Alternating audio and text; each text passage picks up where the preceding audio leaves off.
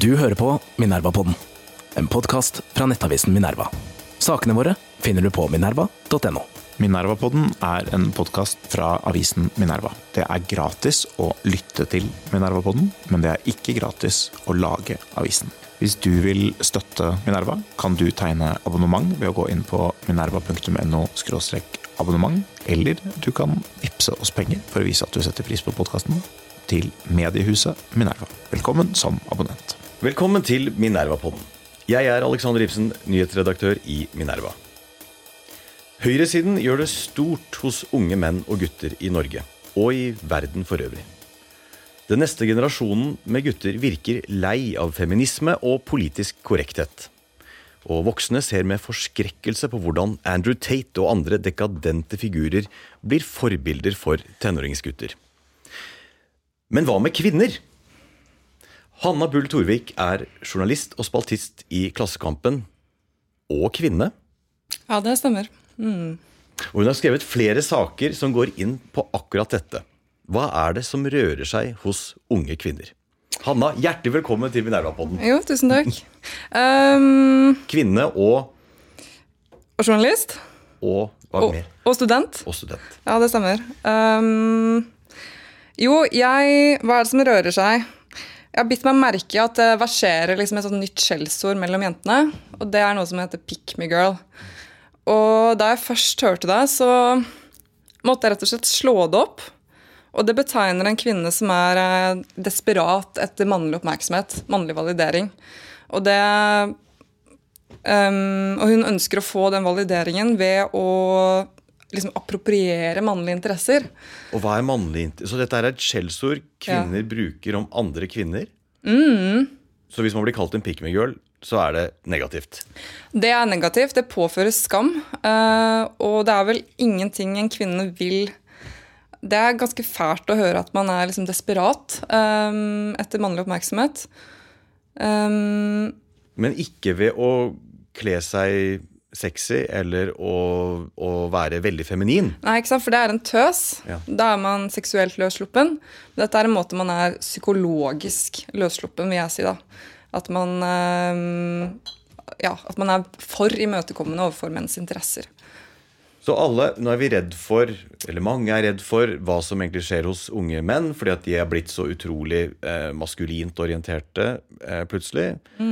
Og så skjer det en respons på den kvinnelige siden, hvor de også løper etter det samme universet. da. Ja, Spørsmålet er om dette er nye tendenser blant kvinner. Jeg lurer på om det alltid har vært litt upopulært og At det alltid har vært litt vanskelig å være annerledes kvinne. Etter å ha skrevet den kommentaren så har jeg fått eh, respons fra til og med 90 år gamle kvinnelige ingeniører som sier at liksom de kjenner seg igjen i en del av disse psykologiske dynamikkene eh, som jeg beskrev. Mm, Men det, det jeg lurer på, om dette har blitt satt på begrep helt nylig. Og Derfor syns jeg dette er så interessant. da, At det har blitt et meme blant uh, jentene. Og det er nesten bare andre jenter som også engasjerer seg i å liksom lage liksom hånlige digitale etterligninger myntet på disse jentene. Um, som er sånn Det handler mye om ah, at man latterliggjør kvinner som ikke bruker sminke, og som er interessert i fotball. Liksom interessert i fotball, metallmusikk. eh, ja, eh, diverse. Men det som overrasket meg, da, det var når dette begrepet her ble, fikk så mye legitimitet i gåstegn, eller så hegemonisk, at til og med venninnene på Blindern begynte å bruke dette begrepet om hverandre. Så det var da jeg liksom virkelig ønsket å undersøke hva er det som ligger i det begrepet her. Og det har du skrevet uh, godt om. Du sier at det tidligere uh, begrepet guttejente, det husker jeg. Men da tror jeg ikke det var negativt. Altså, Det kunne man egentlig skryte litt av. Og si at jeg er, altså, Hvis man var kvinne, da, og si at jeg er litt guttejente. Litt tomboy. Ja, okay. tomboy på engelsk. Ja, dette var skryt, altså. Jeg tror, det, jeg, tror, jeg tror ikke det var negativt ment. Nei, ikke sant? Og det er lov å være guttejente eh, hvis man ikke er så Jeg tror det blir vanskeligere hvis man er litt konvensjonelt attraktiv og er liksom guttejente. Men hvis du er guttejente og er en skikkelig nerd, ikke sant, um, um, så er det noe annet, altså. Jeg husker, um, når vi er eh, inne på dette med tidligere tider Så på 1990-tallet, når jeg var ung, så var det en figur i Norge som på et vis var en tidlig Jordan Peterson. Eh, før det var noe internett, og mens Andrew Tate, eh, for alt jeg vet, gikk i barnehage. Eh, han het Jan Brøgger, psykolog. Eh, og han advarte mot eh, det at vi ikke tok gutter på alvor. Skrev en bok, 'Forsvarstale for mannen'. Og kunne dukke opp på TV. Og da var det datidens panikk. Det var jo selvfølgelig ikke noe internettfenomener og eh, ting som vi er bekymret for i dag med unge menn. Men da var det skilsmisseepidemien. For på den tiden så Eller epidemien, altså at det var mange skilsmisser. Og på den tiden så var det fremdeles sånn at var du Vokste du opp i et skilt hjem, så hadde du typisk lite med pappa å gjøre. Og så sier Jan Brøgger den gang at jentene tåler det. Mens unge gutter tåler det dårlig. Og da var, sier han på TV den gang at eh, gutter som bare har kvinnekontakt i oppveksten, de blir enten Rambo eller Fleksnes. Ikke om dette er referanser som går deg helt hus forbi. Fleksnes Jo, delvis, delvis. Men jeg har lest uh, noe forskning som understøtter uh, slike antagelser. Altså, at gutta sliter mye mer hvis de ikke har en mannlig rollemodell. Uh, mens kvinner er kanskje De har et mer sosialt fellesskap hjemme og med mor, og kanskje hennes venninner igjen, og sine venninner. Um, Men du er inne på, når du sier med, med kvinner Dette er det du har skrevet om. Du har skrevet om eh, Pick Me Girls, men også sosial eksklusjon i jentemiljøer i dag. Og jeg, sånn som jeg forstår det, er jo mye av det er jo en, det er en tilværelse hvor overgangene mellom digitalt liv og vanlig sosialt liv er veldig flytende. Ikke sant? Og jeg, jeg har inntrykk av at det er litt tabubelagt å snakke om eh, noen av disse sosiale dynamikkene og sosial eksklusjon blant jenter. Men det man ser, er jo at jenter som går inn i puberteten, det er jo voldsomt mye Det er ganske mye dramatikk i noen, av de jentegjengene. Um, noe som f.eks. En, en film som Mean Girls tar opp, fra en high school. Og forklare, altså Ja. Mean Girls, hva, hva er det fenomenet? Nei, det er en uh, ganske legendarisk komedie fra 2004, så den er altså 20 år gammel. Før sosiale medier. før sosiale medier, før uh, De har sånn klapptelefon, da, men de har ikke en iPhone eller en smarttelefon. Um, men den er en ganske så intelligent komedie som er laget av Tina Fey. Som er um, kanskje mest kjent for å ha noen strålende parodier av uh, Sarah Palin. Um, men hun har basert Hun skrev et fantastisk manus basert på en det jeg vil si er en liksom sosialantropologisk undersøkelse av, eh, av um, uh, jentegjenger. Eh, En bok skrevet av Rosalind Wiseman, som ble veldig veldig kjent. Og basert på noen av de funnene hun hadde, så skrev hun eh, denne komedien, da, som handler veldig mye om gruppedynamikk blant unge kvinner. Og da ser man at det er eh, denne Lindsay Lohan-figuren som er liksom et tabula rasa. Hun har bare fått hjemmeundervisning, som ankommer en eh, high school. Og da er det plutselig veldig mange sosiale regler da, som er uskrevne, som er usagte, som hun må forholde seg til. Um, mm, Den er tidlig, altså Du sier 2004, så det har jo rent en del vann gjennom bekken siden den gang. Lindsay Lohan husker jo jeg, hun var jo sånn uh, it-girl Ja. på starten av 2000-tallet. Ja. Og sånn fest, eh, en kjent fester i Hollywood, for å si det sånn. Ikke at jeg kjente til de kretsene der direkte. jeg eh, husker hun spilte den der familie... Det var en sånn familiefilm på Disney. For øvrig en veldig god Hollywood-periode. Det er bare en digresjon, men altså den 2000-tallet, før sosiale medier, da var eh, hanskene av i komedie, amerikanske komedier. Det var ennå ikke Det var et sånt pusterom mellom en gammel politisk korrekthet og en ny politisk korrekthet. Og de gjorde hva som helst, det er mitt inntrykk, og det er fryktelig morsomt. da. Ok, Er det noen andre komedier du kommer på? Jeg tenker, ja, som, som jeg liker fra den tiden. Jeg, Og jeg er ikke noen sånn stor filmseer, men, eh, men de jeg eh, Jeg kan si Tropic Thunder syns jeg er fryktelig morsom. Det har jeg ikke sett. Jeg har ikke sett, ja, men Da er det en anbefaling der. Ja, ok, Men hva er det som ligger i denne? Det er sånn metaspøking over Hollywood- og Vietnamfilmsjangeren. Vietnamkrigsfilmsjangeren. Ja. Uh, men det, det er så drøye spøker. Det er liksom Gaute-show nå med regi og vanvittig med kulisser. Nettopp, ja. Uh, Det er jo en del av de komediene fra den tiden som får ganske mye tyn. Altså, Ikke min favoritt, men eh, Friends, for eksempel. Um, Det er jo så snill humor. Da. ja, det er så snilt, men det er visstnok liksom eh, Det er litt for rasistisk og litt for uh, misogynt og diverse. Og det, Mean Girls har også fått en del kritikk for det. altså. Men den er populær i dag, eller ikke?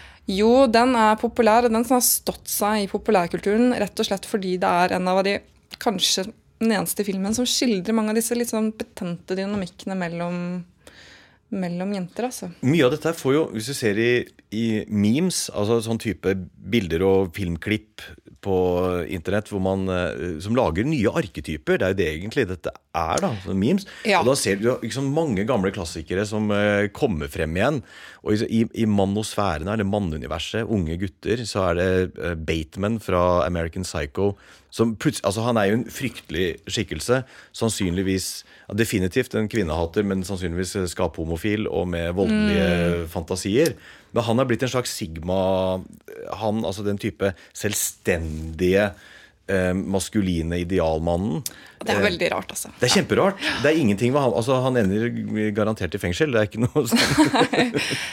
Nei, ikke sant. Um, samtidig var han kanskje litt forut sin tid med den der eh, kjempelange morning routine og Det var han. Han tok vare på seg selv. ekstreme narsissismen. Ja. Um, så det å være en selvstendig mann, det er flott, det, men jeg vet ikke om man akkurat bør se til han. Men er Mean Girls er det, noen, er det sånne kvinnelige Er, er det hentet noe fra 90-tallet, starten av 2000-tallets gullgruve inn i uh, så, sånne nye arketyper som kvinner? Ja, si det. Men det jeg bet meg merke, var at Jeg henger ikke så mye på TikTok, men det jeg har fått inntrykk av, er jo at uh, Patrick Bateman, uh, Sigma Male, det er liksom det mannlige mimet. Det er den arketypen. Og det er jo en positiv arketype. Det handler om mannlig selvstendighet. Men blant kvinner så er det jo pick me girl. Og det handler om en kvinne som er for inn- overfor menn, og visstnok forfekter misogyni. Og det er viktig. Altså Andre kvinner mener at dette er en misogyn skikkelse. Um, Fordi hun bryter med kvinneuniverset? fordi hun bryter med kvinneuniverset. Så her ser man mannen som hylles fordi han er selvstendig, eh, som et meme, og man ser kvinnen som kanskje også er selvstendig, men hun blir nettopp straffet for det. da. Eh, og det er veldig interessant. Jeg har også bare nevne, nev, prøvd TikTok for å holde meg oppdatert, men de, de, disse algoritmene er så hyperaktive, og jeg har sett tydeligvis litt for lenge Jeg er så, jeg er ikke mye på TikTok, men når jeg går inn, så får jeg bare sånn Man skulle tro jeg var su, superbilelsker. Fordi jeg får bare opp sånn Bugatti Veyron, og øh, det, sier deg noe i det hele tatt Ja, ja. med, med sånn saudiarabiske bilutleiere og sånn som forteller om den nyeste akvisisjonen sin. Men det er bedre enn det jeg har hørt. fordi eh, jeg leste for to år siden at hvis en mann eh, lagde seg en bruker på TikTok og skrev at han var 28-30-40, så fikk han bare opp unge jenter på algoritmen. altså. Men hva, hva har jeg tasta inn for, for bare biler? Gudene vet. Jeg vet ikke om det linkes opp til noe annet. Um, men bare for å ha sagt om PickMe, så har det liksom vært mitt mål å overbevise kvinnebevegelsen om at dette er et, dette er et misogynt begrep. Så, um, som man rett og slett må gå bort fra, mener jeg. Men etter at jeg posta min artikkel i det, det selskapelige, som er en uh, feministgruppe, veldig stor, på Facebook, så, så var det flere som mente at jeg bruker dette begrepet feil selv. da, Opponerte mot uh, mine argumenter. Og da skrev f.eks. uh, Da var det en kommentar som fikk veldig mange likes, uh, som var sånn Du bruker det feil. Pick me girl det er en kvinne som forfekter misogyni og pisser og tråkker på andre kvinner. Men mitt poeng er at eh, Altså, det er Hvis en kvinne bare er annerledes, eller liker av og til å sosialisere med menn, eller har noen mannlige interesser, så tas dette til inntekt for å være misogyni. Altså, det blør utover andre kvinner. Um, så det å henge med jenter er jo ikke det samme som feminisme. Ikke sant? Og det ser man også i denne Mean Girls-filmen. At disse jentene er sånn Å, du kan ikke, du kan ikke date ekskjærestene våre. Det er liksom the rules of feminism. Og det er to vidt forskjellige ting. En slags sånn girl code om hva liksom de populære jentene bestemmer hva som er uh, korser å gjøre, versus uh, hva som er feminisme, som jo er å kjempe for kvinners rettigheter. Og jeg er selv feminist, så jeg prøver å skil- adskille disse to. Og da mener jeg at uh, det er at man ikke skal liksom kaste sjikanerende merkelapper på kvinner som er eh, påståtte desertører, da. Og som trekker opp stigen etter seg. Du sa det selskapelige. Er det skal ikke, Ja. Og det er en stor gruppe på Facebook-gruppe? Ja, det er 50 000, 100 000 kvinner, masse akademikere og Ja. Går det er det, hva, hva er det hvilke temaer er det som eh, går igjen der? Er det, er det noe mønster?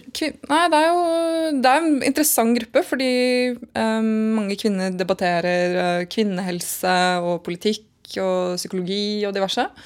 Så jeg tenkte det kunne være interessant å publisere min kronikk der, for å se om den vekket noen reaksjoner. Og da var det kanskje Jeg fikk vel 60-70 likes, og så var det 120 som liket den første sure kommentaren, da. Ble Så- du kalt pick me girl? Det var, noen, det var en som sa sånn eh, Dette gjør du for mannlig validering. Også sånn klovnefjes, da. Kan det ha vært spøkefull kommentar, da. Ja, det kan det ha vært. Um, Ikke godt å si. Ikke sant? Men det er noen som mener at man bør ha et begrep for kvinner som visstnok uh, trekker opp stigen etter seg. Det er ganske voldsom retorikk. Um, Trekker stigen oppover glasstaket. Det gjør det. Og det, og det kan man si at åh, det, så mange, det kan ramme så mange. Altså Hvis en kvinne får en fin Altså, Dere ansatte vel hun der Sanna Ja, Sanna Saroma. ja. Superfeminist, som hun kaller seg. Superfeminist, ja. Ja. Og det er vel flest gutter som jobber i dette kontoret her? landskapet her, er det ikke? Det må vi kunne si. Hvor mange? Vi kommer tilbake til fordi, fordi at det, det, har med, altså. det har å gjøre med en politisk eh, divergering som, som skjer nå. Det må vi jo inn på. Så egentlig en god, en god eh, Segway inn i det spørsmålet. Mm. En ting er hva vi konsumerer. Når jeg sier vi, er det da kvinner og menn i dette tilfellet her, da. På sosiale medier. Eh, gamlinger er, de, de møtes på Facebook uansett. Eh, mens ung, ungdommen, der er det åpenbart et ulikt mediekonsum, sosiale mediekonsum. Og du har også skrevet om det, hvordan det er tegn på, du følger jo forskning på dette her, hvordan kvinner lider mer av det de opplever på sosiale medier, enn menn. Ikke bare, hvis jeg skjønner det riktig, ikke bare trakassering, som er den sånn typisk enkle måte å se det på, men det er faktisk psykisk eh, pla psykiske plager forbundet med å ha vært mye på sosiale medier. Det syns jeg er veldig interessant. Um, Men der lider kvinner mer enn menn. Altså Menn går inn på og ser på Tate og, og i mitt tilfelle Bugatti Veyron, Ja. og så tar de ikke så mye skade av det etterpå. jeg tror de er, Det er forskning som tyder på at eh, menn har en mer sånn innholdstilnærming på sosiale medier, mens kvinner er nok noe mer sosialt orienterte. Og derfor er de rett og slett mer eh, tilbøyelige til å sammenligne seg med andre kvinner. Men det gir jo mening. Jeg tenker på bare hvordan, Mm. eh, hvordan vi menn opplever oss når vi skal sammenligne oss med kvinner. Altså, det er jo ikke det at vi, vi er jo ikke fra Mars og Venus nødvendigvis og fra forskjellige planeter. Mm. Men vi har jo disse skuffene. Altså, du åpner én skuff om gangen. Og det, den ene det er fotballskuffen. Den andre det er eh, intellektuell bokskuffen. Og det andre er en tredje er øl med gutta. Det er stort klesskap, altså. Ja. Det er ja, stor kommode, men du driver jo Mm. på du, Ingen vil ha alle skuffene åpne samtidig.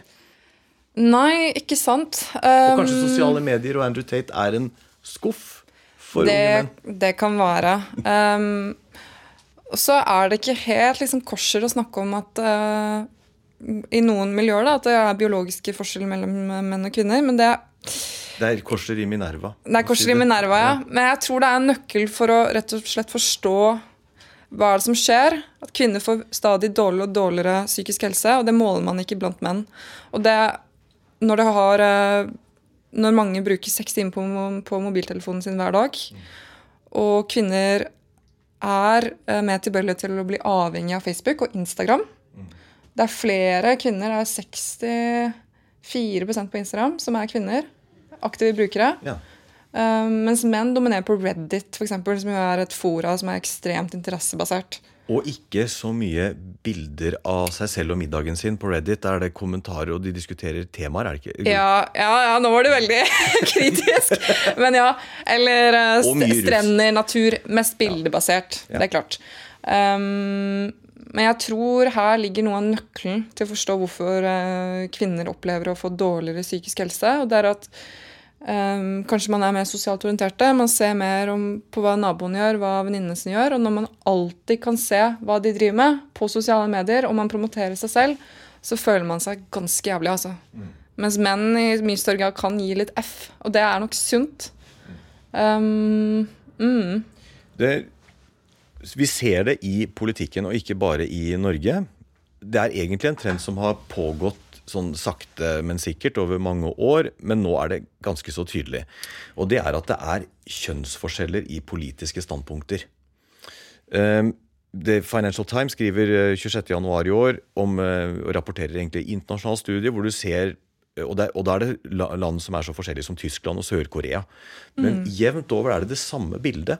Menn blir enten litt eller veldig mye mer konservative i sosiale spørsmål. Og kvinner blir mer eh, radikale, hvis du vil. da. Mm. Um, det i seg selv er uh, for så vidt greit, men det er det at det økende kjønnsforskjeller i alle land. Fordi nivåene er forskjellige. Og det samme i Norge nå. Vi har akkurat hatt eh, et valg. Og hvis vi ser på gruppen 18 til 34 altså så det er ikke så, ja, ja, er unge, Alle er unge nå, liksom, da, men 34 er jo et voksent menneske. Eh, Høyre gjør det og fikk 27 hos mennene eh, hos kvinnene 21% Frp så var det 17% av de unge mennene stemte Frp. 10% av kvinnene. På andre siden, Arbeiderpartiet fikk bare 11% av mennene, men fikk 17% av kvinnene. Og SV fikk også 17% av kvinnene, men da var det bare 9% av menn, altså under 34 år, mm. som stemte på dem. Så det er jo tydelig kjønnsforskjell mellom eh, menn og kvinner mm. i politisk standpunkt. Er det hva, liksom, det, er, det, er, ikke lett å svare over bordet på hva det skyldes, men gjør du tanker om det? Altså, ja, ja, det er veldig interessant. Altså. Jeg tror noen som er veldig biologisk orientert, kan kanskje si at uh, menn er mer Syns det er litt morsommere med konkurranse. Uh, litt mer individualistisk orienterte. Man skal mele sin egen kake og man kan spise den også. Og da er det lettere å tippe litt mot høyre, ikke sant? Mens uh, jentene kanskje er litt mer kollektivistiske. Um, og Fellesskapet, liksom? Fellesskapet, og f.eks. en uh, fyr som Audun Lysbakken Bakken er nok en sånn ladies man, som er en litt sånn myk mann. Fordi han er kjekk, eller? Ja, og han er litt sånn omsorgsfull uh, type, ikke sant? um, mens gutta tror jeg kan uh, de kan ha litt sånn sansen for uh, litt sånn fotballtreneraktige fyrer som John Peterson og, og Simon Velle, kanskje. Har litt sånn uh, teft og har litt Det er litt action og kraft, liksom. Mm. Men, men, det var altså det, Når jeg vokste opp, så var på skoledebattene så var det jo SV som var kule i islandsgenseren og, og, snakket om eh, Kalte Frp for Nei til negerhøyre. Og så, de var jo så kule. Yes. Ikke, ja, ja, voldsom retorikk. Det var, ja, voldsom retorikk, men dette var 1998, da. Mm. Um, og så uh, i år Jeg fulgte noen av skoledebattene for å skrive om dem. Og det var helt påtagelig altså, uh, hvor mye tøffere Frp og Høyre var. Rollene var snudd da på, på en 20 års tid. Med hva som var kult. Ja. Og Det er kanskje ikke så lett å regulere hva som er kult. Du kan ikke regissere kul, kanskje. Nei. Eh, men det er bare en stemningsendring. Ja, det kan sikkert være. Um, jeg leste en sånn gammel Morgenbladet-sak fra sånn 2004 i sin tid, der Torbjørn Røe Isaksen var portrettert som en sånn kul høyrefyr. Det gikk litt sånn i jeans og Ja, for da, det var Ikke da sånn som du har på deg nå, vet du. jeans, men skjorte. Nei, Han gikk i litt sånn hettegenser og jeans og var litt rocka, da. Ja. For å bruke et sånt begrep. Um, men det er ikke det man tenker på med Simen Velle i FPU nå? At, at han er tross alt kul? Eh, han er litt, sånn, er litt kjapp i replikken, og jeg tror det appellerer ganske bredt altså, til både menn og kvinner. Um, og jeg husker jeg, jeg skulle skrive en sånn uh, kommentar fra John Peterson um, som var på Spektrum. Det er jo voldsomt mannlig publikum, ikke sant. Uh, med den der, når han driver og En ting er at han har et høyrevridd budskap, men også liksom hvordan han leverer det på den fotballtreneraktige måten er veldig viktig. Og etterpå så snakket jeg med Peder Kjøs. da. Og Peder Kjøs har jo samme utdannelse som Jordan Pearson. Han er jo også psykolog. Og han har jo bare et kvinnelig publikum. Fordi han har litt den der liksom, Han er Kurt Cobain, og så driver han og snakker litt eh, Han er litt myk mann, da.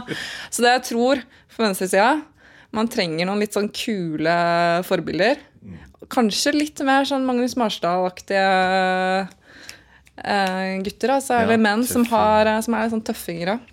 Da. for å vinne tilbake guttene. For det der, altså, dette Ja. er jo ikke bare noe vi har pekt på. Eh, Audun Lysbakken som du nevnte, har jo sagt dette her, at nå er man i ferd med å miste guttene på venstresiden. Han har sagt det, Ja ja da, og Raymond Johansen, rett, noe av det siste han gjorde før han eh, måtte gå av Ja. eh, og tapte valget i Oslo, var jo at nå må vi ha et lite skippertak her for å vinne tilbake guttene. Ja, det er jo sånne som han man trenger, da. vet du. Ja. Som, som kan Han spreke karer. Ja, men jeg tror man undervurderer litt den retorikken og den retoriske innpakningen. Må man tone ned feminismen? Altså Det er jo åpenbart at eh, Jeg tenker sånn Unge menn i dag De har fortsatt De lever i en verden hvor feminisme i forstand at nå må, vi, nå må kvinner opp og frem det blir, det blir sett på som positivt. Men så har vel ikke de levd i en virkelighet som er spesielt patriarkalsk. De har ikke, de har ikke badet rundt i mannlige privilegier hele oppveksten. Nei, ikke sant. Så det er jo Man ser jo en, eh, en Det er en ny vending, da. Der man snakker om eh, menns Altså ulempene ved å være mann, og det er mange. Også det er eh, Eller man ser at menn At det spriker veldig. At de er på toppen, og så er de helt på bunnen. Og jeg tror det også er på tide å, å, å se at det er et veldig mye mer komplekst bilde altså, enn, et, uh, enn et stort patriarkat. Uh, men selvfølgelig er det patriarkalske strukturer som eksisterer. Ja, og jeg, Mm. jeg, er, jeg er sympatisk innstilt til en sånn holdning. Samtidig, hvis du snur det på hodet og sier ok, vi da, er det nå tid for å løfte mennene, så syns jeg det skurrer. Altså, Det skurrer, ja. Mm. Ja, litt. Og så er jeg ikke noe glad i den stakkarsliggjøring. Altså, er det noe jeg innbiller meg at unge gutter trenger, så er det ikke stakkarsliggjøring. Det har nok rett altså. Ikke sant? Og de skal Ja. få høre at å nei, stakkar, tenk så vondt du har det som mann.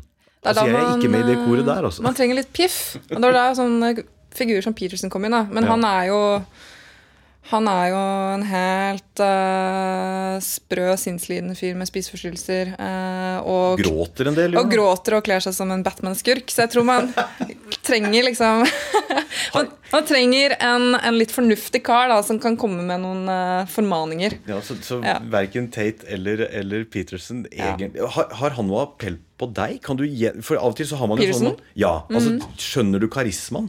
Ja, jeg gjør det, altså. Det, setter han, jeg har sett han to ganger. Jeg skulle dekke, det for, eh, dekke han for avis begge gangene. tenkte jeg sånn eh, Ja, han har, eh, han har ordets makt, ikke sant? Um, Når du sitter i salen der og ser, Mm. og du sa det var jo veldig mannsdominert. ekstremt. Og det var veldig interessant å se at de var veldig sånn eh, kjønnsnormert kledd. Menn hadde på seg dress. Så hadde de noen kjærester, og de hadde litt sånn eh, lange fletter og kjoler og sånn. så det Klisjeen er jo da at de færreste der har kjærester, da. Ja, ja, ja, ja, absolutt. Ja, altså måtte Men kunne du kjenne, kjenne Mm. energien i rommet? Altså Var det sånn nå er vi i et, et slags mannlig vekkelsesmøte? Ja, det det tenkte jeg veldig, hvert for første gang, og det var veldig, det var veldig høyrevridd. Da reagerte jeg. Mens andre gangen var mer stakkarslig, altså, fordi um, da merket man at han uh, har en skrue løs. Og det var uh, vel Det var etter denne Moskva At han gikk i koma i Moskva, ikke sant? Ja. Uh, På, på hva da? Kjøttdiett og noe På kjøttdiett, ja. Derfor jeg sier spiseforstyrrelser. um, men uh, man skal jo være veldig megaloman for å dra på sånne foredragsturneer. Hamsun gjorde jo det i sin tid, og det er jo noen sånne franske filosofer, en som heter eh, Bernard Henri Lévy, som også gjør, driver med de greiene der. Um, Det fins knapt en som ser mer fransk ut enn Han, ja. Bernard Henri Lévy. Han ser ser ut som en dirigent. han går med sånne flotte skjorter som går ned til navlen nesten, og Ja, den, eh, viser fram brysthåret. Eh, Han er jo en elegant mann også. Eh, Han begynner å dra litt på året. Begynner å dra litt eh, på årene, men har kontakter i de høyeste Er personlig venn med Macron og sånne ting. Ikke sant? Men hvis det var en, fornuft, altså en litt fornuftig skikkelse som kanskje kunne banke litt vett i de gutta, eh, som ikke var helt sprø, det tror jeg ville gjort seg. Men mm. Kvinner, hvem er, det, altså, hvem er det som er nærmest å være en kvinnelig Jordan Peterson i dag? Oh, det er vel noen av de der på høyresiden eh, som Fox News-sirkler, som ikke jeg kjenner altfor godt til. Går det an, for du har sagt interessante ting om Taylor Swift fra før. Ja, Hva om vi prøver et tankeeksperiment og sier hun er litt Altså Person of the Year, eh, Time Magazine fra i, eh, fra i fjor. Ja. Eh, New York Times lager podkast om henne, hvor eh, hele podkastgruppen sitter og, og, og er eh, overstrømmende fans og snakker om hvordan hun har rørt dem personlig. Og det er med sånne tekster som går litt på oppvekst og sånn. Jeg har hørt én Swift-sang i mitt liv. Hvilken kul. er det, da? Det er den der Shake It Off. Shaker off, ja. Ok, men det, bare apropos det vi begynte å snakke om. Eh, det er en låt hun, er, hun har som heter Low Story.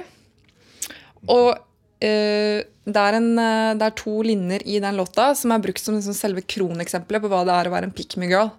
Oi, hva, Husker du det? Ja, det er uh, På norsk da, så synger hun til en gutt over gata at hun har på seg eh, She wear short skirts, I wear T-shirts. Um, at hun andre, hun populære jenta har på seg korte skjørt, ikke sant? mens vår liksom nerdejente har på seg T-skjorter.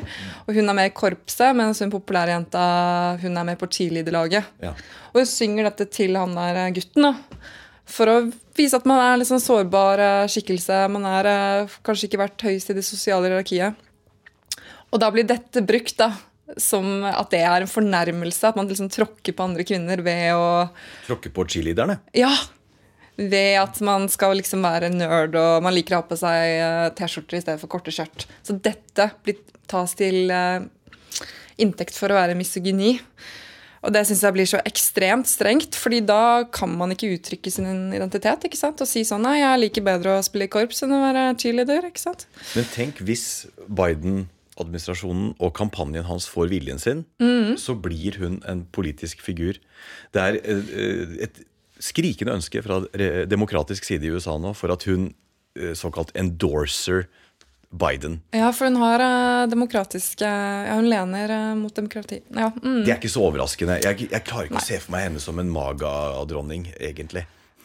Altså, jeg tror det er en del republikanere som også liker henne. så... De gjør det helt sikkert, men, jeg bare, jeg, men de virker Altså, jeg ser ikke det, og jeg, For meg er det sånn bilder og Jeg vet hun er sammen med han eh, fotballspilleren Kelsey, og sånn, men, men hun går ikke rundt i disse amerikanske flaggklærne og er country girl på et vis. Jeg, jeg syns ikke hun virker å passe inn der, da.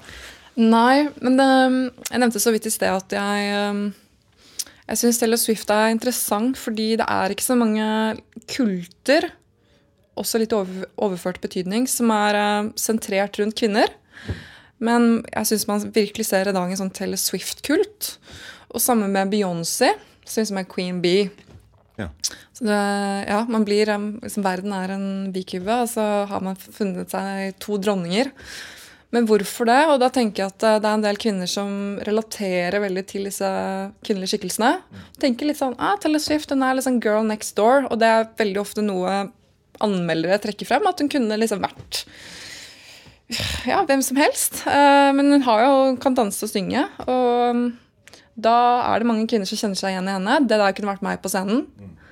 Jeg digger henne. Og så er, er det da Du nevnte med T-skjorter og sånn, og så er, er tekstene litt Ja. sånn gjenkjennbare? Eller? Litt gjenkjennbare, men det har blitt et kontroversielt element. da. At hun eh, liksom liker å ha på seg T-skjorte og ikke flotte seg veldig til. Hun gjør jo begge deler.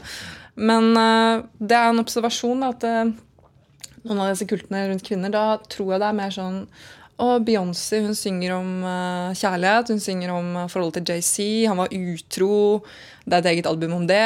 Det relaterer sterkt. da. Mens f.eks. kulter rundt menn, uh, de religiøse kultene, da er det jo man Man hyller en eller annen elevert person. Som liksom kan forstå noe annet enn disse tilhengerne. Og liksom bare i norsk offentlighet, når man har eh, hyllet Knausgård, da, så tenker man jo sikkert ikke sånn Å ja, han er jo Jo, han er jo litt som meg, for han skriver om hverdagslivet sitt, absolutt, men det er også at han forstår liksom et eller annet.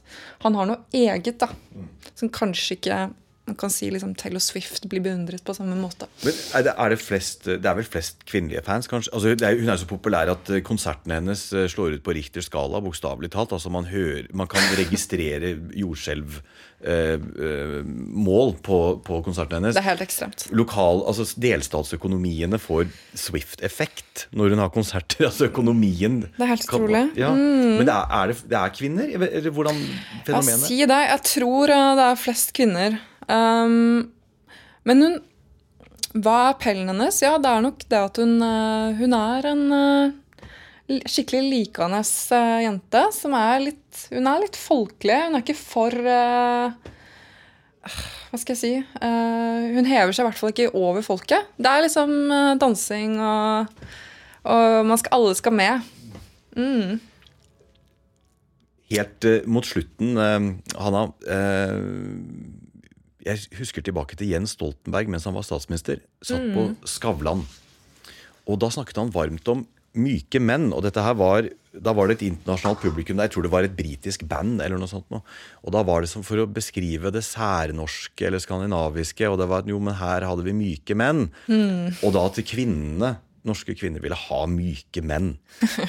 Hvordan eh, Til syvende og sist, alle disse guttene som eh, flekser muskler og flotter seg, de gjør det jo ikke bare for hverandre, de gjør det jo også for å fremstå bra hos kvinner. Mm. Vil norske kvinner ha myke menn? Ja, vil de det? Altså, det jeg tror er et underkommunisert uh, faktum, det er at uh, kvinner har forskjellig smak.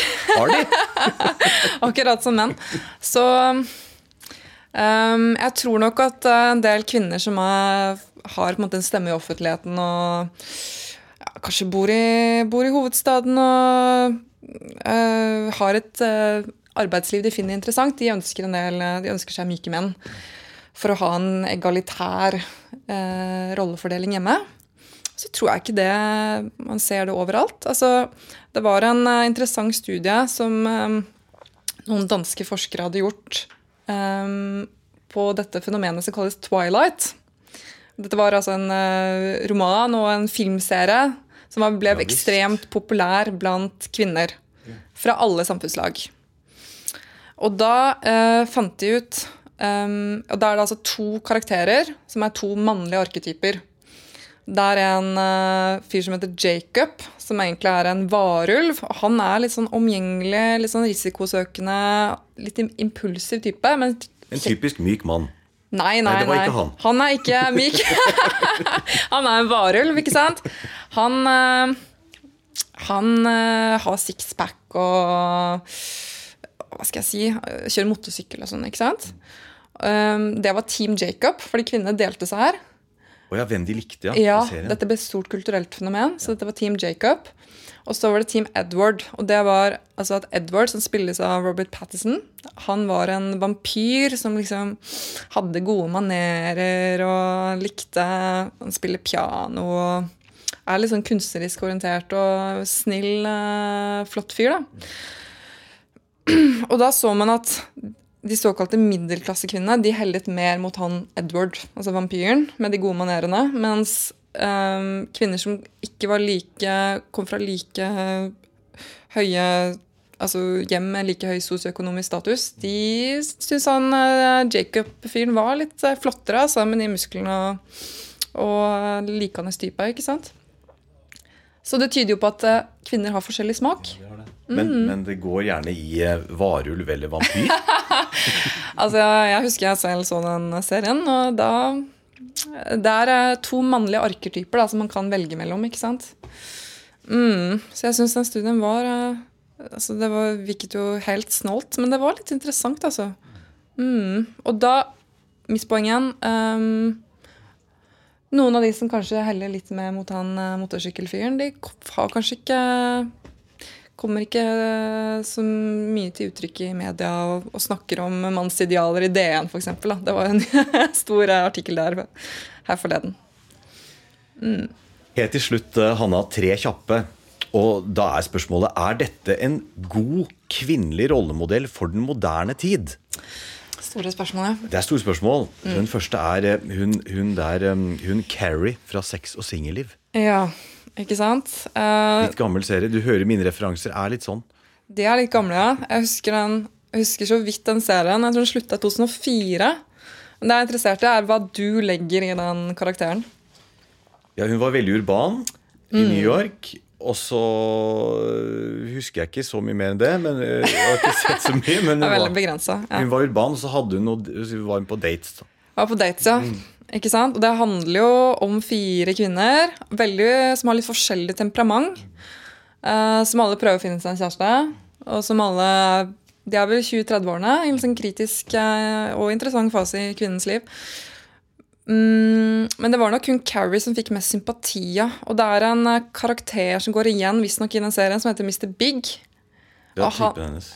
Ja, det er i hvert fall eh, det heller. Han sånn Object of Desire. ja, opp, av og på-type, er det vel. Som hun aldri får, da, visstnok før liksom, det skjer et eller annet på slutten. da. Mm, Jeg vet ikke om de, det blir dem, men eh, denne Mr. Big er veldig utilgjengelig. Men er en ganske sånn rik, eh, flott fyr, da. Um, men uh, hun Carrie var nok også en litt sånn likende uh, dame som mange kjente seg igjen i. Og men, ha, om hun har så, om hun er et forbilde, det, det kan man jo spørre seg Hun var sånn selvstendig. Hun var var litt selvstendig, det? kanskje. ja. Hun gikk etter det hun ville ha. Hun var, men jeg lurer, etter hva jeg har skjønt på deg, det kan hende at hun ble kalt, hadde blitt kalt en pick me girl i dag. En pick me girl, ja. Men det som er så ironisk, er jo Altså Når tenåringsjenter kaller hverandre pick me, du er pick me, og så har man selv gått til innkjøp av all verdens dyre jakker, og man gjør jo alt for selv å bli valgt, ikke sant? Og så kan man si at den andre er pick me, det er jo helt veldig ironisk. Og jeg vet om mødre som blir kalt pick me av, sine, av sine døtre, ikke Mm. sant? Eh, Det har blitt vårt nye skjellsord. En ting er glasshuset, ikke kast, eh, ikke kast steiner du sitter under glasstaket, kan man si der. Ja, ikke sant? I disse maktatider så er kandidat nummer to her. Ja, ja. Må jo selvfølgelig være landsmoderen, altså Gro Mm. Harlem Brundtland. Ja. Er, er det et verdig, en verdig rollemodell? Ja, det kan man si, ja. Ja. Hun har en litt spesiell syntaks, uh, sies det. At hun aldri klarer liksom, å avslutte setninger. eh, som jeg kom på nå. Men eh, det det var ser man jo. Det, det er jo redegjort litt for i serien. Er- veldig hennes spesielle talemåte. Um, av hennes politiske motstandere så ble det jo sagt at hun var litt sånn emosjonelt avstumpa. Ja. Og det er den liksom litt sånn kalde Det var, men det var pick me girl-begrepet den gang, vet du. Det var pick me girl, ja. Ikke sant? Fordi det er å frata henne Tror du ikke det? De, de, de viktigste kvinnelige dydene som eh, morsinstinkt. Også, selv om hun hadde barn og alt mulig. Men, eh, Og var lege, ikke sant? Det er litt- Ja, det er um, og på venstresiden. Hun hadde mye Ikke sant? Så da kan jo kvinnen aldri vinne. For enten så er du for kald, eller så er du altfor uh, følsom. Og da kan du i hvert fall ikke lede et parti. Så dette er uh, spenninger og fordommer man må vokte seg for, da. Um, men nei, altså, jeg syns hun er tær, liksom. Jeg syns hun, eh, hun er fett. Men det er klart eh, Jeg leste litt i en selvbiografi hun skrev, og jeg fikk eh, dessverre ikke inntrykk av at hun er en veldig sånn stor tenker, da. Men det er kanskje ikke så mange av våre politikere uansett. da søker man seg heller til en jobb i Minerva, sånn som dere, vet du. man, man gjør jo det, En da. tenketank. ja. Og eh, siste, det tror jeg nesten at du har vel svart på, men det er jo Taylor Swift, da. Taylor Swift, ja. Og der har vi jo en kvinne som har massiv appell. da. Hun kunne jo sikkert blitt president hvis hun ville. Hun kunne blitt eh, president. Ja, Det er eh, faen meg sant, altså. Det er kanskje derfor hun ikke har endorsed ennå. For hun, hun sitter på gjerdet og lurer på om hun skal bli president etter Hun Eras Tour. Hun blir vår nye Hillary Clinton. Um, ja, altså hun er liksom self, self-made self woman, i likhet med Trump, ikke sant? I betydningen hun har arvet eh, flere hundre millioner Hun har det, dollar altså? Nei, eh, Trump har det, men han, Ja, ja, det, er, det noe med disse her at han trakk seg opp på, eh, med egne evner og en solid arv. Ikke sant? Uh, men Taylor Swift har nok en så bred appell fordi hun er totalt ukontroversiell. Ja. Delvis. Um, og så er det noen ting som vekker kontrovers, bl.a. dette med at hun liker å ha på seg T-skjorte og alt det greiene der. Um, om hun er moderne rollemodell Ja, altså hun har vel Snakker vel og synger litt om at man skal være greie mot hverandre. Og, og det er vel ikke liksom for utspjåka. Det er liksom ikke, det er ikke Sophie Elise. Det er litt mer sånn jordnær tilnærming til popmusikk og til uh, uh, til politikk òg, kanskje. Du har jo presisert at uh, kvinner er forskjellige, og da kan vi si at alle tre kan være rollemodeller. Det kommer an på Ja, det.